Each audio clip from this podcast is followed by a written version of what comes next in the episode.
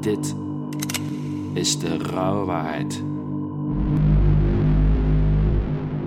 Aflevering 2. De koningin van de Tippeldijk. In deze aflevering hoor je Astrid vertellen hoe ze achter het Centraal Station belandt in het wilde Amsterdam van de jaren 90. Om aan geld te komen om in haar verslaving te kunnen voorzien, moet ze willekeurig een auto stappen bij verschillende mannen en doen wat haar gevraagd werd. Eén ding wordt me duidelijk op het moment dat ik naar het verhaal van Astrid luister. Wie haar probeert te misbruiken of af te zetten, wordt met gelijke munt terugbetaald.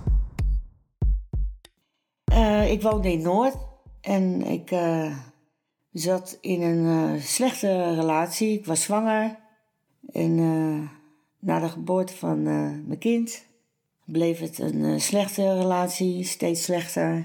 Mishandeling, alles erbij. Werd een vreselijke relatie met verslaving, mishandeling, verkrachting. En na twee jaar wilde ik weglopen, dat lukte niet. Een paar keer aan mijn haren over straat teruggesleept. En toen, op een gegeven moment, ben ik weggelopen. Ik heb mijn hele hebben en houden achtergelaten. Al mijn spulletjes, mijn huisje, mijn auto, alles. En ben achter het centraal gaan lopen. Dat was een uh, tippelzone. Heroïnehoertjes, uitbreiding van de wallen, zeg maar. Ik zelf ging er altijd uh, helemaal, uh, ja, top naartoe. Een kort rokje, hoge laarzen, diepe decolleté, opgemaakt. En kijken wat je kon versieren daar. En met mij liepen daar nog een stuk of tien meiden. En ja, klantjes oppikken vanuit de auto. Ik versierde ze door een beetje te lonken, een beetje te knipogen, een beetje sexy te lopen. En ik keek of er een zitje op de achterbank zat. En dan denk ik van, oh, jij stopt. En jij bent wel een goeie. Nou, en dan stapte ik in. En dan, uh, ja, keek ik wat ik kon doen. in het begin was dat, vond ik het uh, doodeng. Ik, uh, ik ging met die man mee. We reden naar een stil plekje. En dan we kwamen, ik, we kwamen een prijs overheen. Dat varieerde echt van 15 gulden, 20 gulden. Sommigen hadden de lef 5 gulden. Die had ik het liefst. Want die kon ik het meeste pakken. En, uh, maar dat vertel ik zo meteen wel. En uh, ja, en dan deed je wat was afgesproken. Of niet. En dan, uh, ja, als je geluk had, dan kon je gewoon weer weg kon ik gewoon weer weg. En soms dan kwam er even een klopje op het raam. Met een zaklantaarn. En er stond uh, oma politie daar. ja. Aan de ene kant kicken, want je hebt geld en je kan gelijk scoren. En aan de andere kant uh, eenzaam. En van alles van alles gaat er door je hoofd. Van waarom zit ik hier? Uh, het geeft je een soort van macht. Het geeft, hij denkt dat hij de macht heeft. Ik weet dat ik de macht heb. Maar je moet heel goed opletten op zijn handen, op bewegingen, op hoe hij met zijn ogen knippert. Op alles moet je opletten. Waar hij naartoe rijdt. Ik bepaal waar hij naartoe rijdt. Als hij een andere bocht neemt, stap ik uit. Je moet op zoveel dingen letten. Het, het is uh, heel gevaarlijk. Ja. Ja, ik heb een paar keer uh, echt voor mijn leven moeten vrezen. En uh, op een gegeven moment dan sta je achter het centraal, sta ik achter het centraal. En de wallen zitten er vlak achter. En je leert mensen kennen. En ik leerde ook steeds meer mensen kennen. Je krijgt een soort bodyguards. En dan uh, gaat het alleen nog maar om geld verdienen, drugs gebruiken, geld verdienen, drugs gebruiken. Klanten, uh, ja, zo lang mogelijk doorgaan. Dat is eigenlijk het, het hele dagelijkse ritme. Ik weet, ik weet, soms liep ik achter het centraal en dan liep ik en dan liep ik En dan knalde ik gewoon keihard met mijn hoofd tegen een lantaarnpaal, omdat ik gewoon liep te slapen. Bang! En dan was ik weer wakker. En dan denk ik, oh. Ik weet ook nog een keer, toen stapte ik bij een klant in en hij zegt, uh, pijpen? Ik zeg ja. Hij zegt uh, twee tientjes. Ik zeg is goed. En uh, we rijden naar een plekje en hij doet zijn broek naar beneden, condoom erom. En onder het pijpen, ik val gewoon in slaap. en die man die zegt gewoon niks. En op een gegeven moment word ik wakker en ik zeg: Oh, sorry hoor, ik dacht even na. en dat soort bizarre dingen gebeuren er. Ja. Op een gegeven moment uh, doet mij dat helemaal niks meer. Dat het, uh, ik zie ze alleen maar als geld. Ik, zie ze, ik kijk ze aan, ik schat ze in, ik kijk in een auto, ik kijk op de achterbank. Ik, vraag, uh, ik heb allemaal vragen al van tevoren. Waar kom je vandaan? Ben je getrouwd? Uh, wat voor werk doe je? En aan de hand van die drie vragen weet ik eigenlijk al alles. Uh, waar kom je vandaan buiten de stad? Veilig. Ben je getrouwd? Veilig. Heb je kinderen? Veilig. Ik kan alles met die mannen doen dan. Iemand die mij gewoon, ik vraag 30 en hij betaalt me 50. Die man die zal ik gewoon met rust laten. Ik vraag 30 en die man die zegt ik heb niet meer dan 5 gulden. Want het was guldentijd nog. Geloof me, ik pak alles wat hij in zijn zak heeft. En ja, je trekt zijn broek naar beneden. Ik zeg oké, is goed, geef me die 5 euro, gulden maar. En uh, dan betaal je me de volgende keer de rest wel, toch, schat? Hij zegt, ja, tuurlijk. En ik zie hem al denken, dom wijf. En ik denk, oh, maar dat geeft niet. En ik pak die vijf gulden en ik begin. En onderwijl dat ik aan het pijpen ben, heb ik zijn broek helemaal op zijn enkels. En ik pijp hem lekker. En onderwijl ben ik al zijn zakken aan het voelen. Haal zijn geld eruit. Maar ik zorg dat hij niet klaarkomt. Want zolang hij niet klaarkomt, denkt hij niet aan zijn geld. En dan zeg ik, oh, oh, weet je wat? Wil je niet mee naar mijn huis of zo? Want ik ben moe, ik wil stoppen. Als ik wist dat ik veel geld in mijn handen had. En soms had ik iets minder geld. Of ik zeg, ik moet even een condoom halen of dit. Hier heb je die vijf gulden terug. Ik kom eraan. En dan zegt hij, oh, oh, is goed, is goed. En dan gaf ik die vijf gulden terug en dan bleef hij wachten. En ik was weg. En zo ging dat. Of dat soort smoesjes. Maar ja, als ze klaarkomen, dan gaan ze... Het eerste wat ze doen is aan de portemonnee vullen. Maar zolang ze niet klaarkomen, denken ze alleen maar met een pik. En die man kan me niks doen, want hij is getrouwd, hij woont buiten de stad.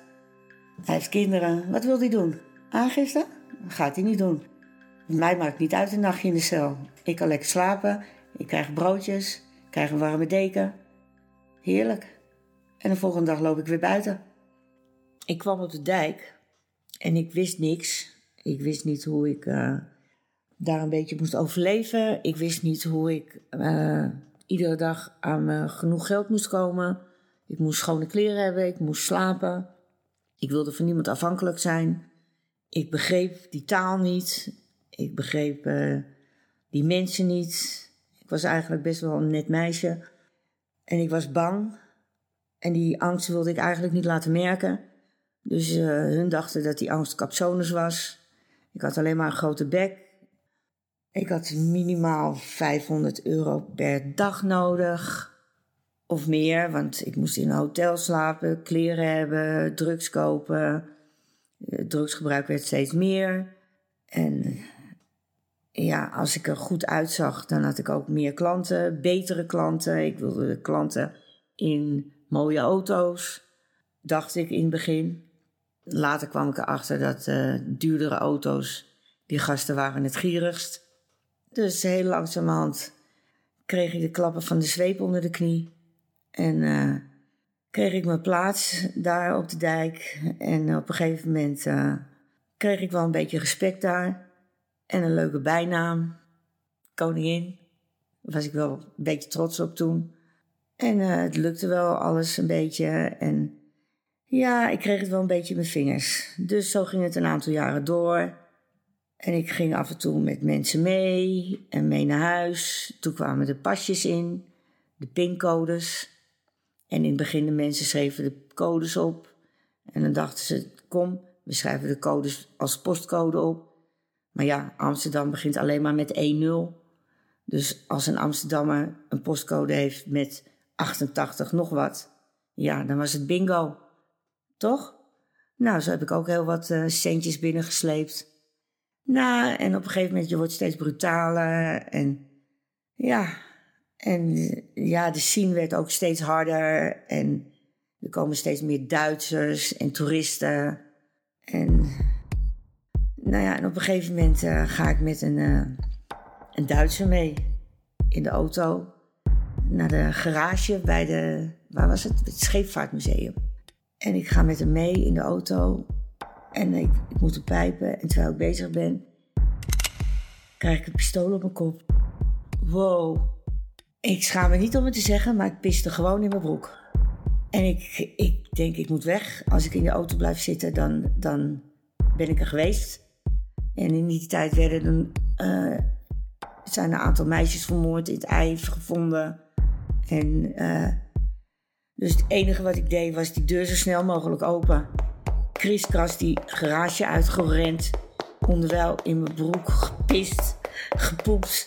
Alles uit angst die garage zo snel mogelijk uitgerend. En ik weet niet of het engeltjes zijn of wat dan ook. Ik ren die auto uit en de politie komt eraan rijden. Ik zeg, stop, stop, stop. En ze stoppen. En ze zegt, wat is er, wat is er? Want ze kende me. Ik zeg, er zit een man daar met een pistool. Die man die was er al uitgereden. Maar die had een heel raar autootje, een, een beschilderd autootje. En ze zijn met me wezen zoeken. Nou, en voor het eerst sinds jaren mocht ik aan de andere kant van de spiegel die man uh, identificeren van hij is het. En uh, die nacht heb ik er godzijdank veilig over straat kunnen uh, werken. En niet bang dat hij me zou zoeken of alsnog iets zou doen of wat dan ook. Maar man, wat was ik bang. Ja. Ja, en ja, dat soort dingen maak je mee. In een garage bij de Kamer van Koophandel liep ik. En uh, het was ochtends heel vroeg, vijf uur ochtends of zes uur ochtends.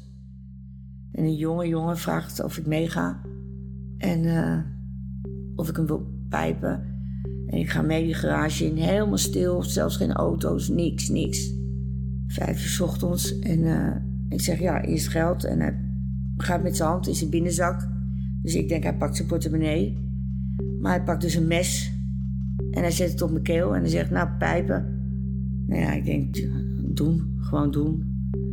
En ik zeg, is goed, schat. Rustig, doe je broek naar beneden. Dus hij, trekt, hij doet zijn broek naar beneden. En ik, onder het pijpen denk ik, wat moet ik doen? Wat moet ik doen? Ik denk, weet je wat? Ik vraag of hij wil neuken. Want als hij zijn broek helemaal naar beneden doet, kan hij niet rennen. En als ik dan me omdraai, doggy style, kan ik keihard wegrennen. En hij niet. En hij zegt, schat, wil je niet lekker neuken dan? En hij zegt, oh, is goed, is goed. Dus ik doe zijn broek op zijn enkels en ik draai me om. En ik neem een sput. oh, wat was ik bang. Wat was ik bang. Ja, maar ja, dat uh, is overleven. Ja, het weerhield mij er niet van om door te gaan. Want je bent verslaafd, je hebt geen plaats om naartoe te gaan, je bent wanhopig. Uh, nee, ik heb niks te verliezen. Alleen mijn eigen leven. En dat was niks waard. Ik wilde geen pijn meer voelen, ik wilde niks meer voelen. En uh, die drugs, uh, alles. Vroeger, mijn leven, mijn ouders, mijn zoon, incest. Noem het hele rijtje maar op. Dingen komen niet zomaar ergens vandaan. Je bent er eigenlijk niet. Het enige wat je doet is. Uh, nou, want op een gegeven moment ging ik ook shotten. En uh, heroïne, cocaïne samen. Gewoon niks voelen. Niks, niks. Gewoon als een zombie. Niet eens zombie, want je, je, het enige wat je hebt is je boosheid en je overlevingsdrang. En ik weet niet waar die overlevingsdrang vandaan komt. Maar het, het is er. Je wil blijven eten, drinken, slapen en scoren. Die dingen blijven. Maar die pijn bleef ook. Je kan daar niet tegen gebruiken of zo. Ik kon dat niet. Ik kon ook niet binnen zijn. Ik, kon, ik moest op straat blijven. Ik wilde niet bij mensen slapen. Ik wilde niet bij klanten slapen. Ik moest op straat blijven. Ja, meer dan twaalf jaar. Bizar. Op een gegeven moment uh, zat ik in de top 600, uh, eh, natuurlijk. Ik ben zo vaak uh, aangehouden. Dus, dat, wat ik deed noemen ze beroving. Beroving zonder geweld. Ja, zware woorden. gevangenis in, gevangenis uit. Maar dat heeft wel mijn leven gered. Want ik kon iedere keer weer slapen, bijkomen. Op een gegeven moment kreeg ik ISD, Instituut Stelselmatige Daders. Ja, en daar hebben ze toch wel goede mensen in het team. En die hebben me toch wel uh, een beetje op het rechte padje gezet. En uh, ik ben de juiste mensen op die weg tegengekomen. En nu heb ik uh, mijn leven een beetje op de rit gekregen. Een beetje, een beetje bol. Ik ben er weer. Huisje, boompje, beestje. Een beetje familie. En ik ben dankbaar dat ik mijn leven terug heb. Na al die bizarre verhalen. Heb jij het lef en de gave om een soortgelijk verhaal met dit publiek te delen? Mail dan naar info.derouwewaarheid.com of stuur via Instagram een DM naar de